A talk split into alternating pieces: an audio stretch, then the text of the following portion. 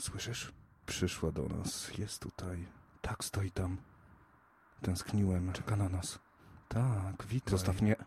Brakowało mi ciebie. Nie po- nie. Dobrze, że jest. Nie pozwól jej, nie, nie podchodź do drzwi, nie otwieraj! Potrzebuję cię.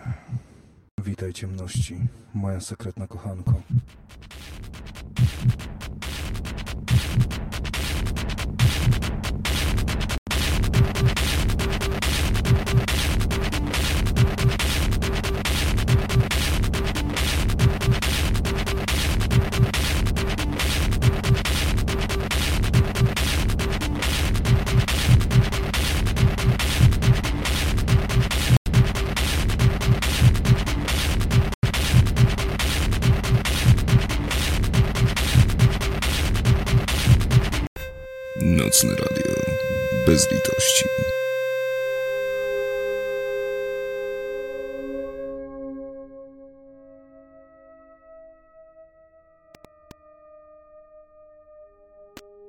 Nienawidzę was wszystkich. Ludzkość to obrzydliwe, nędzne, zdeprawowane istoty. Gdyby to było w mojej mocy, nie zatrzymałbym się, dopóki nie zamieniłbym was we w gó- w góry czaszek i rzeki krwi i słusznie. Zasługujecie na unicestwienie i ja wam je dam. Nigdy nie okazaliście mi żadnej litości, więc ja też wam żadnej nie okażę. Zmusiliście mnie do cierpienia całe życie, teraz wy będziecie cierpieli. Długo na to czekałem. Dam wam dokładnie to, na co zasługujecie, wszyscy wy, wszystkie dziewczyny, które mnie odrzuciłyście. Patrzyłyście na mnie z pogardą, wiecie, traktowałyście jak swołocz, podczas gdy oddawałyście się innym mężczyznom. A także wy, wszyscy mężczyźni, zaprowadzeni lepszego życia niż ja, wszyscy seksualnie aktywni. Nienawidzę was, nienawidzę was wszystkich i nie mogę się doczekać dania wam tego, na co zasłużyliście. Całkowitego unicestwienia. Były to ostatnie słowa, jakie Elliot Roger wypowiedział na swoim kanale na YouTube. W maju 2014 roku, krótko po tym, gdy rozpoczął swoją masakrę, zabijając sześć osób, raniąc 13 kolejnych, ostatecznie zaś popełniając samobójstwo, gdy został otoczony przez policję. Elliot Roger, który stał się symbolem i bohaterem Inceli, który sam na siebie uknął jakiś dziwny spisek, zamknął się we własnej głowie. Lecz dzisiaj nie będzie dużo o incelach, dużo nie będzie o nienawiści do kobiet, dużo nie będzie o samym kulcie gloryfikacji nieudacznictwa, czego Elliot Roger jest naprawdę wyjątkowo doskonałym przykładem. Będzie na pewno zaś sporo o tym, jak, w jaki sposób mógł sobie, mógł uznać, że to jest dobry pomysł, by ukarać wszystkich wokół za to, jak bardzo nieudacznikiem jest. I że sam się nim uczynił. Cytaty, które będą się jeszcze dzisiaj pojawiać, a sporo ich będzie, pochodzą z mojego tłumaczenia 140-stronicowego manifestu. Kompletnego bełkotu. Szaleńczego pieprzenia o niczym w kółko, ciągle i tak, tak samo. Coś, co można by było spokojnie zamknąć w dwóch stronach. On rozwrógł do 140, uczynił dziełem swojego życia i zaczął zabijać.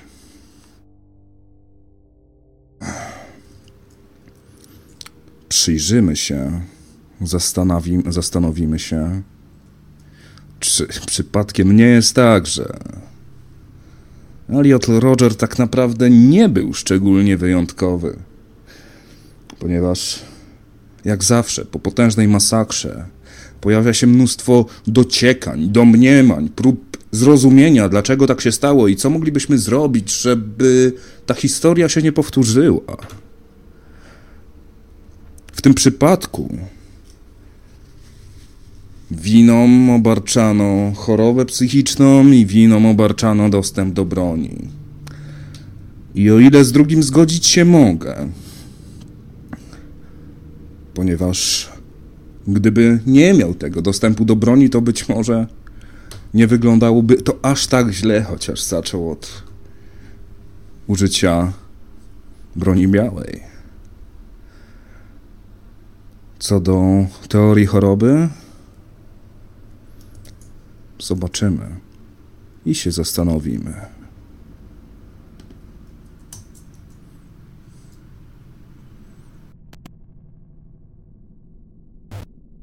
I tak kończy się moje tragiczne życie.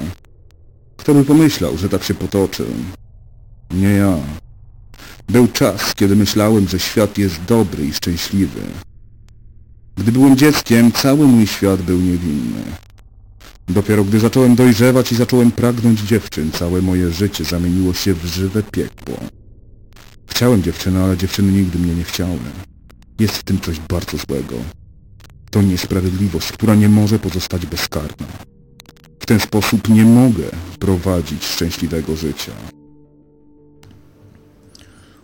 Ciężko nie oprzeć się wrażeniu, że jest w tym wszystkim potężne, dziwne założenie, które musiało się pojawić bardzo wcześnie w jego wieku, w jego, w jego życiu, wokół którego cała frustracja zaczęła narastać. Cała ta choroba z nienawiści, która sprawiała, że już jako młody chłopak podchodził do płci przeciwnej w zupełnie w sposób, który zupełnie nie mógł mu przynieść czegokolwiek. Ponieważ nie zaczęło się od pisania postów w internecie o tym, jak bardzo mu się seks należy, o tym, jak bardzo nienawidzi kobiet, o tym, jak bardzo chciałby podpalić świat. Zaczęło się dużo, dużo wcześniej. Sytuacjami, z którymi nie chcielibyśmy się spotkać, ale które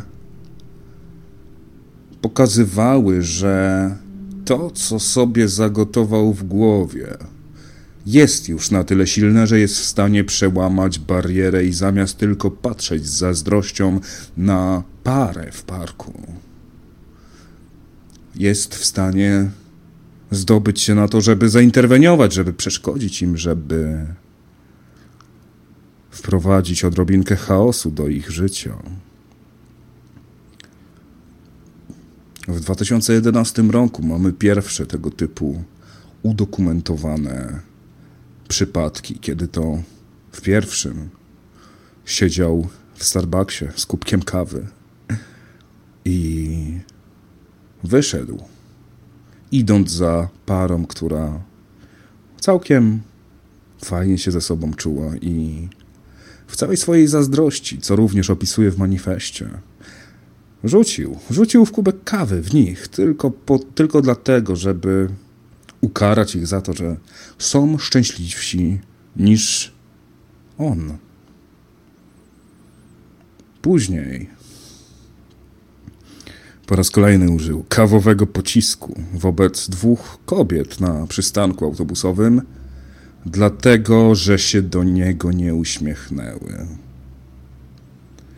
I o ile możemy dostrzec w tym jakieś, jakąś, nie wiem, nieszkodliwość, taki od niegroźny świr rzucający kubkiem z kawą, to był to punkt, w którym już za bardzo nie było powrotu, ponieważ jego szaleństwo, jego zamotanie się we własnej głowie już wtedy wychodziło na zewnątrz, już wtedy nar naruszało czyjąś wolność. Musiałem nie tylko zmarnować całą swoją młodość, cierpiąc w samotności na niespełnionym pragnieniu, ale także żyć ze świadomością, że inni chłopcy w moim wieku są w stanie zdobywać wszystkie doświadczenia, na które miałem ochotę. Jest to absolutnie nie w porządku i niesprawiedliwe. Ponadto wstydziłem się przed innymi chłopakami, którzy mnie mniej szanowali, ponieważ nie miałem jeszcze żadnej dziewczyny. Wszyscy wiedzieli, że jestem prawiczkiem. Wszyscy wiedzieli, jak niepożądany jestem dla dziewcząt i nienawidziłem wszystkich tylko dlatego, że o tym wiedzieli. Chcę, żeby ludzie myśleli, że dziewczyny mnie uwielbiają. Czuć się godzien. Nie ma dumy z życia jako samotny, niechciany wyrzutek. Ciężko to nazwać życiem.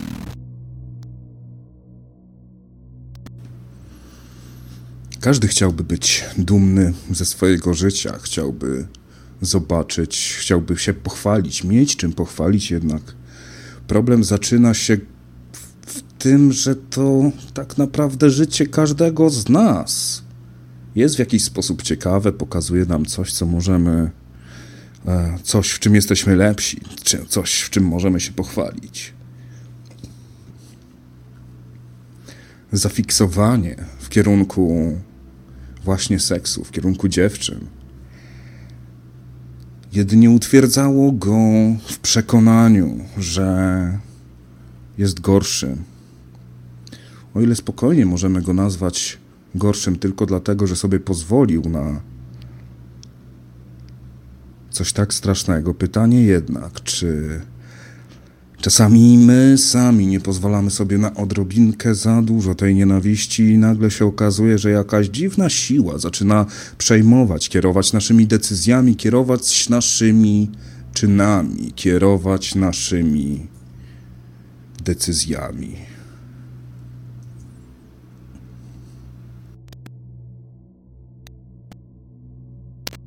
Nie mam zamiaru żyć tak żałosnym, beznadziejnym życiem.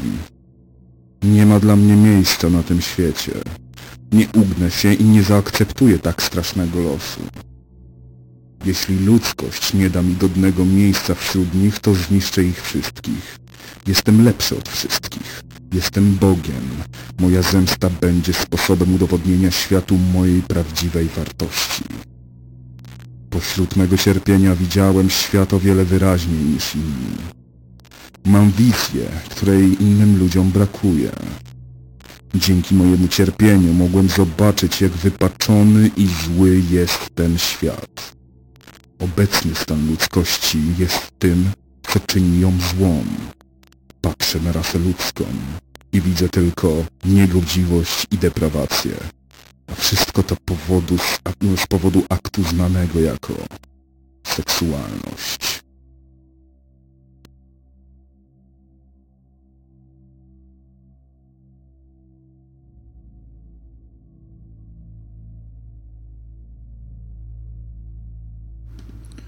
Smutną prawdą jest to, że każdy z nas, ja i ty,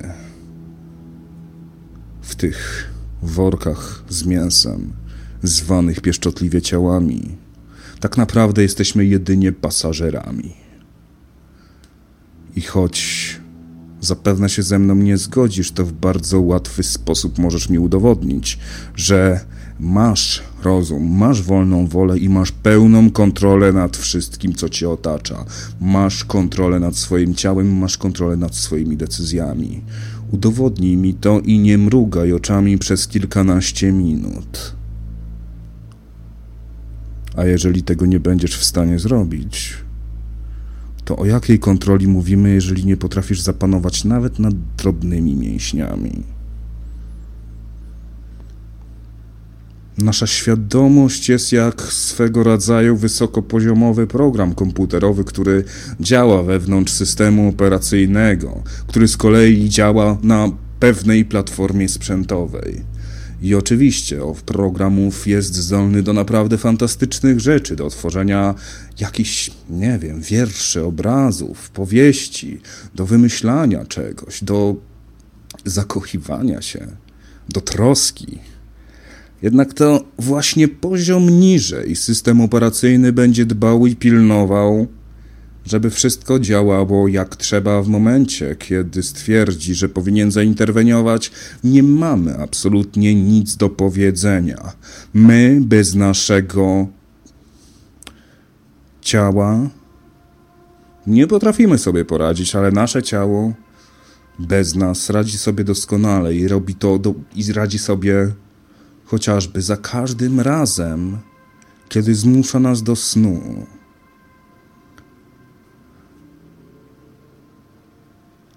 Wyłączamy swoją świadomość i siadamy w naszym kinie domowym, oglądając sny wyświetlane nam przez nasz system operacyjny. Sny, które najprawdopodobniej są echem przekładania wspomnień, które zdobyliśmy danego dnia i zapisywania ich w pamięci długotrwałej, gdzie na nowo trzeba znaleźć dla nich miejsce, zbudować strukturę, która będzie pozwalała nam na późniejszy szybki i sprawny dostęp. Ilekroć zapisujemy w takiej strukturze coś nowego, nasz system operacyjny musi znaleźć, stworzyć serię skojarzeń, dzięki którym będziemy w stanie wrócić do tego wspomnienia. Dlatego też w naszych snach tak często pojawiają się rzeczy, które dopiero co przeżyliśmy, w jakiś dziwny, absurdalny sposób połączone z tym, co przeżyliśmy bardzo, bardzo dawno. Jest to jedynie rekonstrukcja swego rodzaju katalogu z danymi.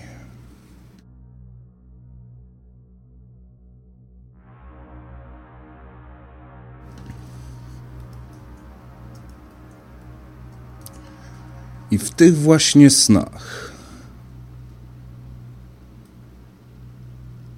w tych właśnie snach, na jakiej podstawie nasz system operacyjny interpretuje i wybiera, w jaki sposób zapisać to, co akurat ma pod ręką.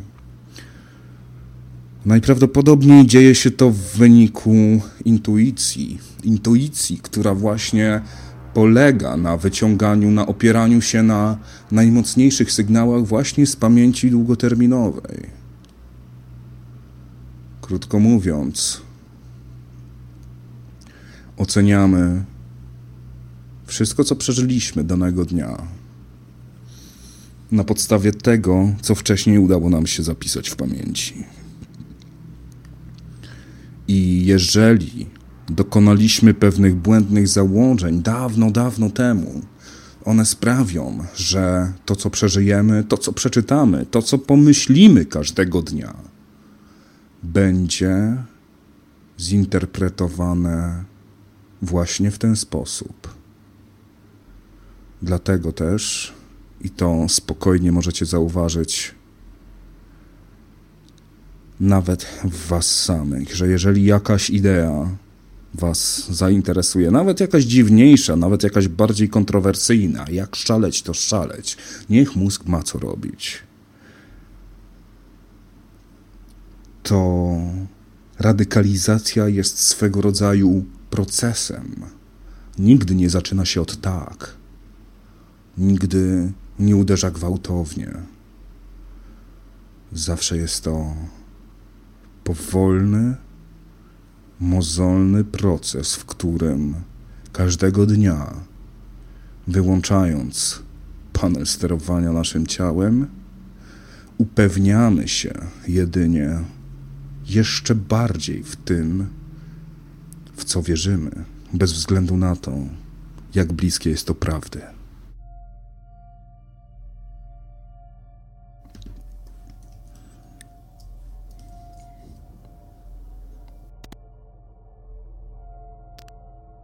Seks jest zdecydowanie najbardziej złym z istniejących pojęć. Fakt, że samo życie istnieje poprzez seks, tylko dowodzi, że życie jest wadliwe. Akt seksu daje człowiekowi ogromną przyjemność. Przyjemność, na którą nie zasługuje. Nikt nie zasługuje na taką przyjemność, tym bardziej, że niektórzy ludzie doświadczają jej, podczas gdy inni są jej pozbawieni. Kiedy mężczyzna uprawia seks piękną kobietą, prawdopodobnie czuje się jak w niebie, ale świat nie może być niebem. Dla niektórych ludzi to samolubstwo i hedonizm, by odczuwać takie niebajańskie rozkosze. Ostatecznym złem stojącym za seksualnością jest kobieta. To one są głównymi inicjatorami seksu. Kontrolują, którzy mężczyźni go dostają, a którzy nie. Kobiety są niedoskonałymi stworzeniami, a moje złe traktowanie z ich rąk uświadomiło mi tę smutną prawdę. Jest coś bardzo dziwnego i złego w okablowaniu ich mózgów. Myślą jak bestie, a w rzeczywistości są nimi. Kobiety nie są zdolne do posiadania moralności i racjonalnego myślenia. Są całkowicie kontrolowane przez ich zdesperowane i zdeprawowane emocje i podłe impulsy seksualne. Z tego powodu mężczyźni, którzy mają przywilej przyjemności seksu i zapładniania są mężczyznami, na które kobiety lecą. Głupi, zdegenerowani, obrzydliwi mężczyźni. Obserwowałem to całe życie. Najpiękniejsze kobiety, zamiast wspaniałych panów, takich jak ja, wybierają najbardziej brutalnych mężczyzn.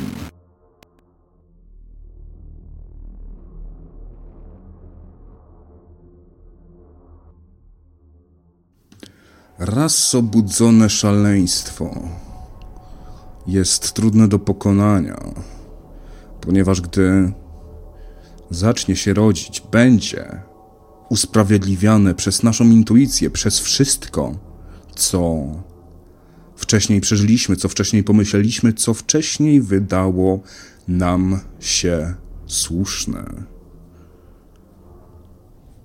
To, czego nie wiedział Elliot Roger, to jest to, że nie jesteśmy bezradni wobec tego procesu. I mimo, że jesteśmy pasażerem na tej wycieczce, to w dalszym ciągu mamy umiejętności i możliwości, by zapanować nawet nad, ty, nad tymi najbardziej pierwotnie odruchowymi zagadnieniami. Gdy znajdujemy się pod wodą, gdy wstrzymujemy oddech, nasz organizm pilnuje, żebyśmy sobie w ten sposób krzywdy nie zrobili. Gdy przykładamy nóż do ręki i czujemy wewnątrz siebie swego rodzaju psychiczną blokadę, która utrudnia nam wyrządzenie sobie krzywdy na długo przed tym, jak poczujemy ból.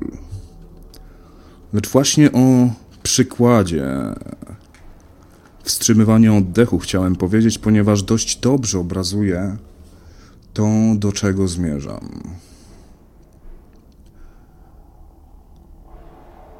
Nasz system operacyjny ostrzega nas na dużo wcześniej, nim stanie się coś złego, byśmy zaprzestali danej aktywności. I tak, gdy wstrzymujemy oddech, zaczynamy odczuwać ból, zaczynamy odczuwać niepokój na długo jeszcze przed tym, nim organizm stanie się niedotleniony. I jesteśmy w stanie spróbować wytrzymać odrobinkę dłużej. Pokazać naszemu systemowi, że tak naprawdę stać nas na troszkę więcej. I w sytuacji, kiedy będziemy mieli faktycznie coś przeżytego, w kontrze do wcześniejszych wyobrażeń, czy też wdrukowanych nam pierwotnie, wdrukowanego nam pierwotnie podejścia, następnym razem, gdy zechcemy wstrzymać oddech, nasz organizm zabije na alarm dużo, dużo później. No może nie tak od razu, dużo, dużo później. Natomiast w dalszym ciągu jest to wszystko do wyćwiczenia.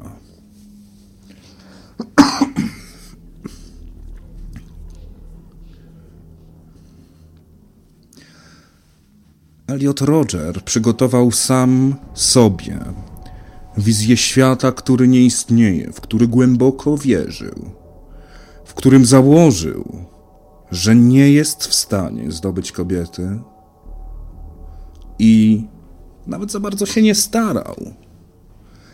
Wszystko skupiało się jedynie na upewnianiu samego siebie w tym, jak bardzo jest beznadziejny. Coś na kształt samospełniającej się przepo przepowiedni. Jeżeli uważasz się za nieudacznika, to nawet jeżeli nim nie jesteś, to prędzej czy później się nim staniesz, a kiedy się nim staniesz, to dużo ciężej będzie ci wyjść z tego.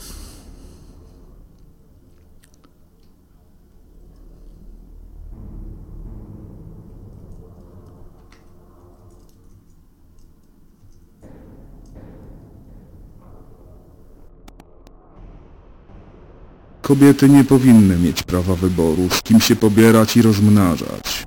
Decyzja ta być podję- powinna być podjęta dla nich przez racjonalnych ludzi inteligencji.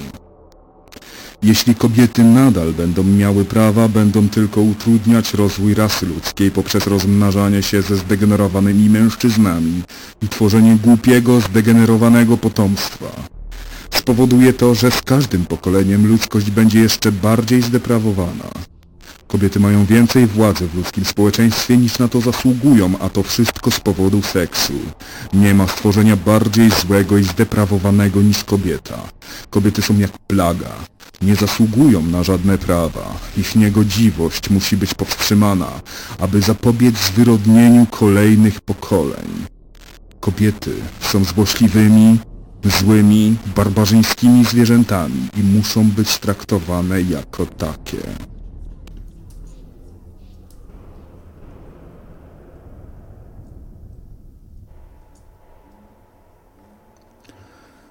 Pierwszych aktach agresji, rzucania kawą, a Elliot Roger pozwalał sobie czasami na dziwne zachowania w parku, krzycz, krzycząc z nienawiścią na ludzi. Uzasadniając to, że nie chciał, by się dobrze bawili. Na jednej z imprez, na którą został zaproszony, próbował zrzucić dziewczyny z balkonu, znajdującego się kilka metrów nad ziemią. Lecz mu się nie udało, gdy inni faceci zauważyli, co się dzieje, sami go zrzucili. Zadzwonił wtedy na policję i stwierdził, że został zaatakowany. Ofiara od początku do końca.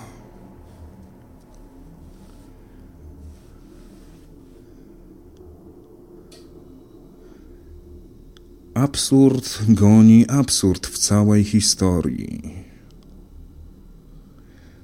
Jedną z jego największych pretensji co do związków były związki międzyrasowe, kiedy to kobieta, biała kobieta spotykała się z mężczyzną innej rasy. Uważał to za degradujące, za wstyd dla ludzkości, mimo że sam był w połowie Chińczykiem. I tutaj już jesteśmy bardzo w punkcie, w którym nawet ciężko jest złapać jakiś, jakieś zrozumienie.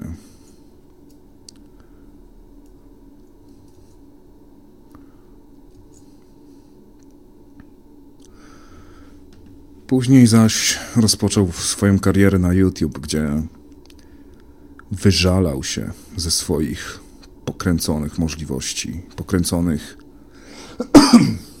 pomysłów.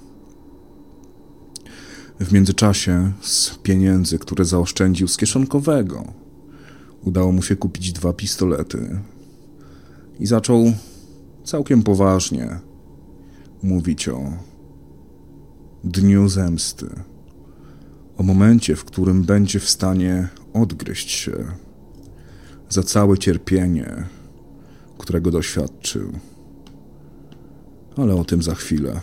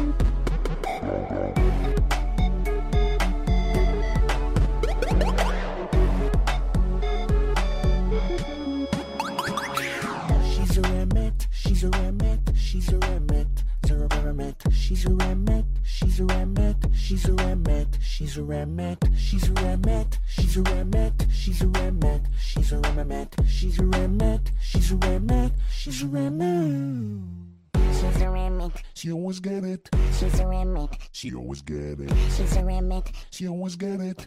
she's a remit, she likes to get it. She always get it, no explanation, she always get it, there is no tension. She always get it, she likes banana, she always get it, there is no drama. She always get it, no complication, she always get it, there is no tension. She always get it, she likes shawarma, she always get it, there is no drama. She's Israeli, not vegetarian, she's Israeli, kidnapped by aliens. She's Israeli, not vegetarian. She's Israeli.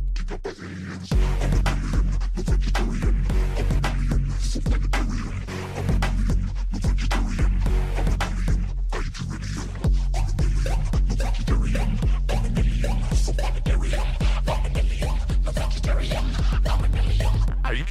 vegetarian. I'm an alien, I'm an vegetarian. I'm an alien. I'm an vegetarian. I'm a million. No vegetarian. I'm a million.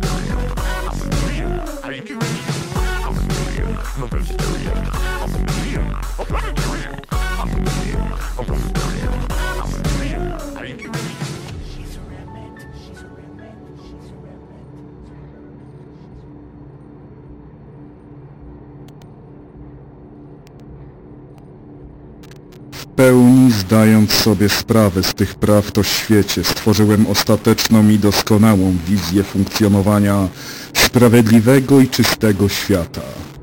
W idealnym świecie seksualność nie istniałaby. Musi ona zostać zakazana. W świecie bez seksu ludzkość będzie czysta i cywilizowana. Mężczyźni dorastają zdrowo, nie martwiąc się o taki barbarzyński czyn.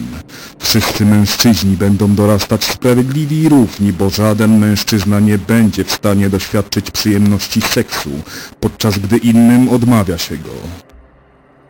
Rasa ludzka będzie ewoluować na zupełnie nowy poziom cywilizacyjny, całkowicie pozbawiony zanieczyszczeń i zwyrodnień, które istnieją obecnie. Aby całkowicie zlikwidować seks, należałoby zlikwidować same kobiety. Wszystkie kobiety muszą zostać poddane kwarantannie, niczym zaraza, tak aby mogły być użyte w sposób, który faktycznie przynosi korzyści cywilizowanemu społeczeństwu. Aby tego dokonać, musi istnieć nowy i potężny rząd, pod kontrolą jednego boskiego władcy, takiego jak ja. Władca ustanawiający ten nowy porządek miałby pełną kontrolę nad każdym aspektem społeczeństwa, aby ukierunkować je na dobre i czyste miejsce. Do dyspozycji tego rządu potrzebna jest wysoko wyszkolona armia fanatycznie lojalnych żołnierzy, aby egzekwować takie rewolucyjne prawa. Pierwszym uderzeniem przeciwko kobietom będzie kwarantanna wszystkich w obozach koncentracyjnych. W tych obozach ogromna większość żeńskiej populacji zostanie celowo zagłodzona na śmierć. Byłby to skuteczny i odpowiedni sposób na zabicie ich wszystkich. Z wielką przyjemnością i satysfakcją skazuje każdą kobietę na ziemi na śmierć głodową. Wybudowałbym sobie ogromną wieżę, gdzie mogę nadzorować cały obóz koncentracyjny i z radością obserwować, jak wszyscy umierają. Gdybym ich nie miał, nikt by ich nie miał. Wyobrażałbym sobie, że myślę sobie, jak ja to nadzoruję. Kobiety reprezentują wszystko, co jest niesprawiedliwe wobec tego świata. I aby świat stał się sprawiedliwym miejscem, wszystkie one muszą zostać wykorzenione.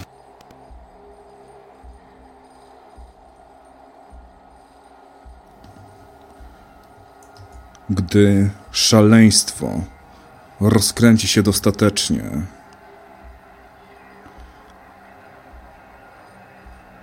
gdy to już się stało, zaczął budować wizję swojego lepszego świata. Świata, w którym on wreszcie stanąłby na szczycie, gdzie mógł realizować swoje chore fantazje.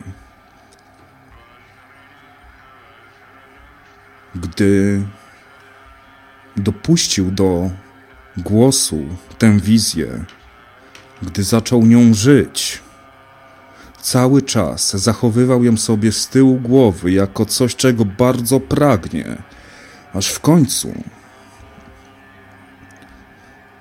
nie zdziwiłbym się, gdyby uciekał w świat fantazji i zapamiętywał to jako realne zdarzenia, które z kolei zapisałyby się w jego pamięci jako realne wspomnienia, jako coś, czego doświadczył, jako coś tak bliskiego rzeczywistemu światu, coś niesamowicie namacalnego, coś, co w końcu kurczę, czemu, czemu tego nie zrobić? Czemu nie podpalić świata? Przecież w mojej głowie to tak doskonale wygląda. Jestem w stanie to zrobić.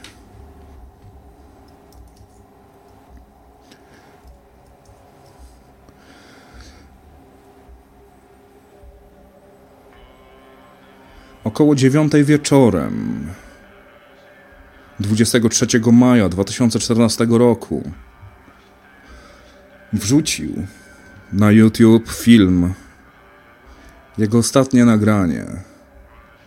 Następnie do kilkunastu osób, w tym do swoich rodziców, wysłał w 140-stronicowy manifest, który dzisiaj wam przytaczam.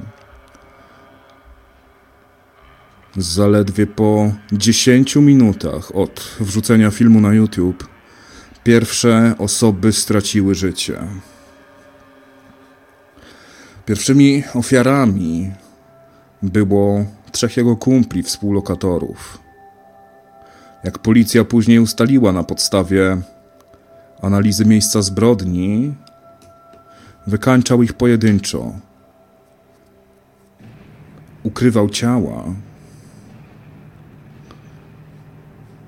i zaszlachtował ich. Później pojechał do Bractwa Alfa Pi, jak w manifestie określił. Zajęło mu mnóstwo czasu, około roku, by wybrać ten właśnie cel. Cel wybrał na podstawie tego, że właśnie w Alfa Pi były najpiękniejsze dziewczyny. Chciał wedrzeć się tam. Wieczorem, tuż przed rozpoczęciem imprezy i zamordować każdego, kto będzie wewnątrz, używając pistoletów i noży, a na końcu podpalić budynek. Rzeczywistość okazała się jednak dużo mniej przyjemna. Przez kilka minut próbował dostać się do budynku, waląc w drzwi. ale nikt mu nie otworzył. Wsiadł więc do samochodu i ruszył w swoją ostatnią podróż. Nieliczne kobiety zostałyby jednak oszczędzone dla dobra reprodukcji. Kobiety te były, byłyby trzymane i hodowane w tajnych laboratoriach. Tam zostaną sztucznie zapłodnione próbkami spermy w celu wyprodukowania potomstwa. Ich zdeprawowana natura będzie z nich powoli wypędzana. Przyszłe pokolenia mężczyzn byłyby nieświadome istnienia tych pozostałych kobiet, a to jest najlepsze. Jeśli mężczyzna dorasta nie wiedząc o istnieniu kobiet, nie będzie w nim pragnienia seksu. Seksualność całkowicie przestanie istnieć, miłość przestanie istnieć, nie będzie już e, odcisku takich pojęć w ludzkiej psychice. To jedyny sposób oczyszczenia świata. W tak czystym świecie umysł człowieka może rozwinąć się na większą wysokość niż kiedykolwiek wcześniej. Przyszłe pokolenia będą żyć bez obaw o barbarzyństwa seksu i kobiet, co pozwoli im rozwinąć inteligencję i doprowadzić rasę ludzką do stanu doskonałej cywilizacji. Szkoda, że nie da się stworzyć mojego idealnego świata. Już dawno temu zdałem sobie sprawę, że nie ma sposobu, abym mógł podnieść się do takiego poziomu władzy w swoim życiu w obecnym świecie. Taka rzecz nigdy nie stanie się dla mnie rzeczywistością, ale dała mi coś do fantazjowania, kiedy z nienawiścią płonąłem wobec wszystkich kobiet za odrzuceniem mnie na przestrzeni lat. Cały ten punkt widzenia i ide- ideologia obalenia seksu wynika z pozbawienia go przez całe moje życie. Jeśli nie mogę go mieć, zrobię wszystko co w mojej mocy, aby to zniszczyć.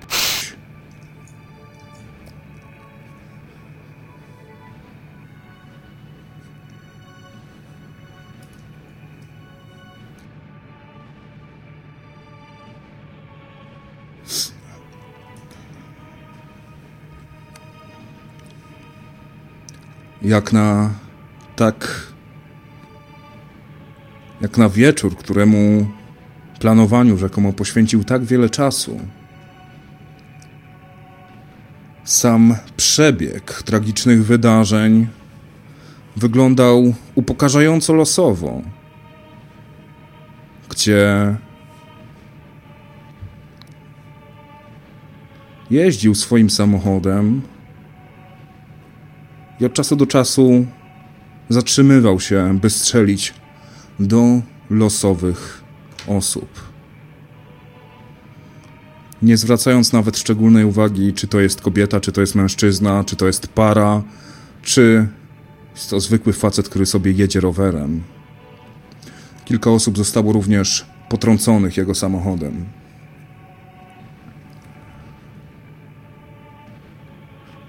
Policja zareagowała stosunkowo szybko i rozpoczęła pościg. Roger rozbił swój samochód, a gdy policja zajrzała do środka, zauważyła, że prawdopodobnie jadąc, strzelił sobie w głowę.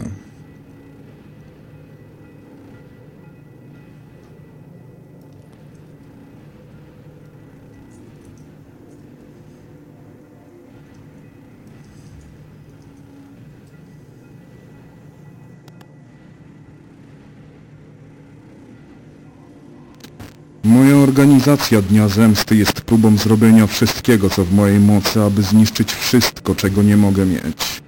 Wszystkie te piękne dziewczyny, których tak bardzo chciałem w życiu, ale nigdy nie mogę mieć, bo, mnie, bo mną gardzą i obrażają, zniszczę.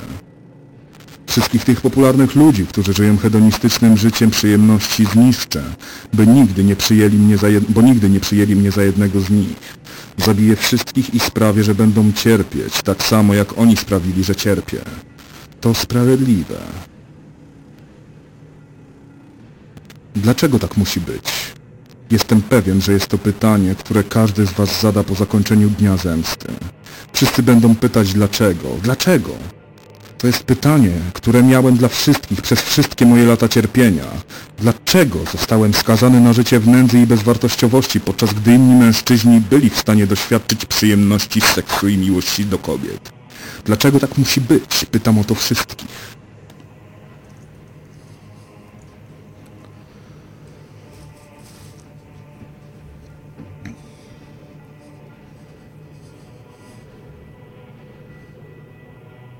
Elliot Roger miał w swojej historii leczenie psychiatryczne.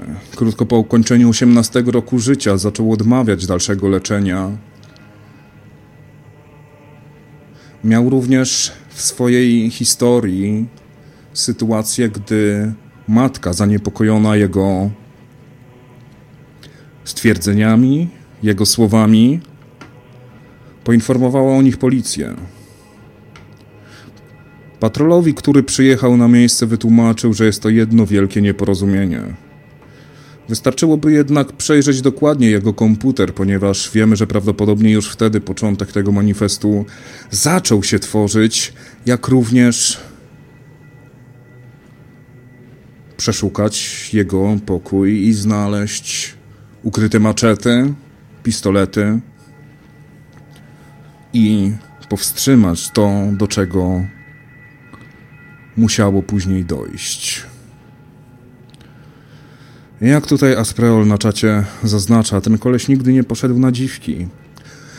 Z tego co wiemy, nie, nigdy nie poszedł na dziwki, ponieważ nie ma, nie było tutaj problemem jego, nie wiem, nienawiść, może inaczej. Nie było problemem to, że kobiety go odrzucały. Nie był jakoś, nie wiem, brzydki, nie był gruby, nie był obleśny. Od taki zwykły 22-letni chłopaczek. Ktoś, kto bez problemu byłby w stanie sobie znaleźć kogokolwiek, gdyby jednak użył troszkę innych metod podrywu niż próby zrzucenia dziewczyn z balkonu lub oblania e, ich kawą. To, co dziwi mnie w całej historii najbardziej, to właśnie jest to, że w pewnym momencie musiała mu się pojawić ta myśl, ponieważ nie jestem w stanie uwierzyć, że jako nastolatek, czy jako, jako młody chłopiec mógł być aż tak bardzo sfrustrowany. To się rodziło powoli. Zresztą nie mamy zbyt wiele, zbyt wiele informacji o jego wcześniejszym życiu. Nie mamy informacji o tym, czy prowadził jakiś pamiętnik, bloga, czy e, cokolwiek, co mogłoby nam pozwolić wejrzeć do jego głowy, gdy był dużo młodszy. Nie wiemy, co dokładnie sprawiło, że ta myśl się pojawiła. Wiemy natomiast, że w momencie, gdy się pojawiła, zrobił absolutnie wszystko, żeby zadbać o nią, żeby ją dopieścić, żeby ją nakarmić, żeby ją rozwinąć.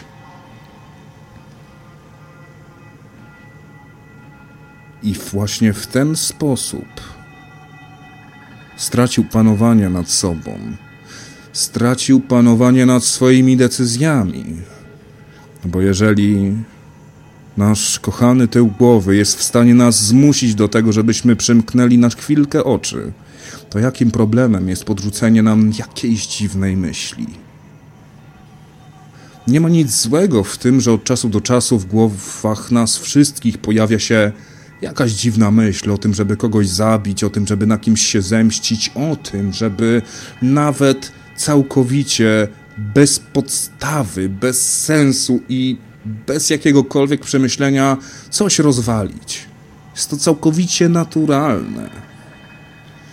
Nienaturalnym zaś, czy może nie tyle nienaturalnym, co czymś, z czym sobie powinien współczesny człowiek umieć lepiej poradzić, to jest zauważyć, kiedy taka myśl zaczyna przejmować nad nim kontrolę i doprowadza do tragicznego finału. Wszystko, czego kiedykolwiek chciałem, to kochać kobiety i odwrotnie być przez nie kochanym. Ich zachowanie wobec mnie zasłużyło tylko na moją nienawiść i słusznie. W tym wszystkim ja jestem prawdziwą ofiarą. Jestem dobrym facetem. Ludzkość uderzyła we mnie wszystkim we mnie, uderzyła przede wszystkim we mnie, skazując mnie na doświadczenie tak wielkiego cierpienia.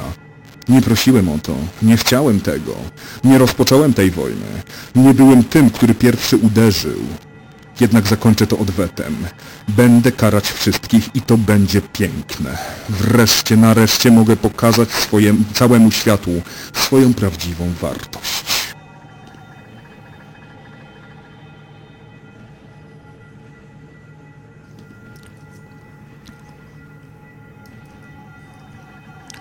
Chociaż historia tutaj zasadnic, zasadniczo się kończy. Oczywiście odbiła się wielkim echem. Przede wszystkim w środowiskach feministycznych i w środowisku inceli. Ludzi, którzy podobnie jak on przekonani są, że bliskość im się należy, że seks to jest coś, co powinni dostać z urzędu, a zamiast zastanowić się, co robią źle, gromadzą się w kółeczka wzajemnej adoracji, szukając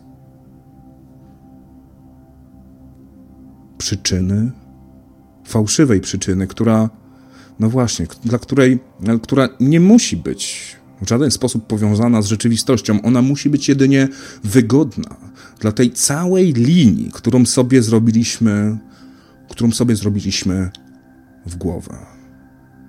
Która będzie spójna z tym, czego doświadczyliśmy, co nam się wydawało. I jest wielu ludzi, którzy są chorzy z nienawiści. Widać po nich, jak bardzo oderwani od rzeczywistości są. Jak bardzo skupieni są tylko i wyłącznie na doszukiwaniu się potwierdzeń swoich absurdalnych, bardzo często założeń. Pamiętam dawno, dawno temu, jak podczas chyba jakiejś luźniejszej audycji, kiedy zadzwonił Blacha, i rozmawialiśmy o nienawiści. Powiedział, że nienawiść jest jak Ferrari, do którego wsiadasz. Układasz się wygodnie w fotelu. Wkładasz kluczyk, delikatnie go przekręcasz, rozkoszujesz się każdą chwilą. Wsłuchujesz się, jak silnik mruczy. Czujesz, jak idealnie chodzi pod twoimi stopami. Czujesz każde drżenie, czujesz każdy obrót.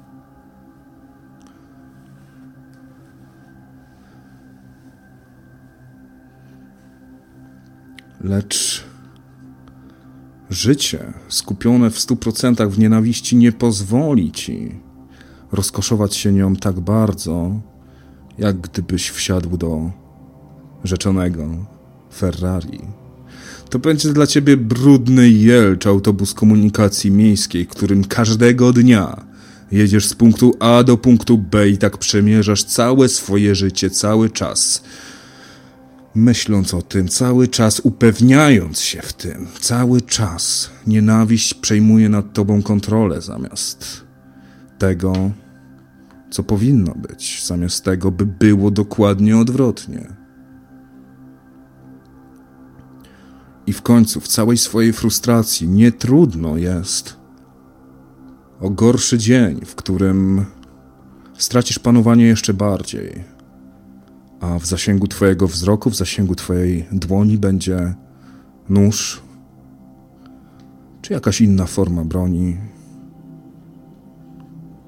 I zapragniesz podpalić świat, skrzywdzić wszystkich. Uzasadniając to tym, że przecież Ciebie skrzywdzono, mimo że tak naprawdę jedynym człowiekiem, który skrzywdził Eliota Rogera, był on sam.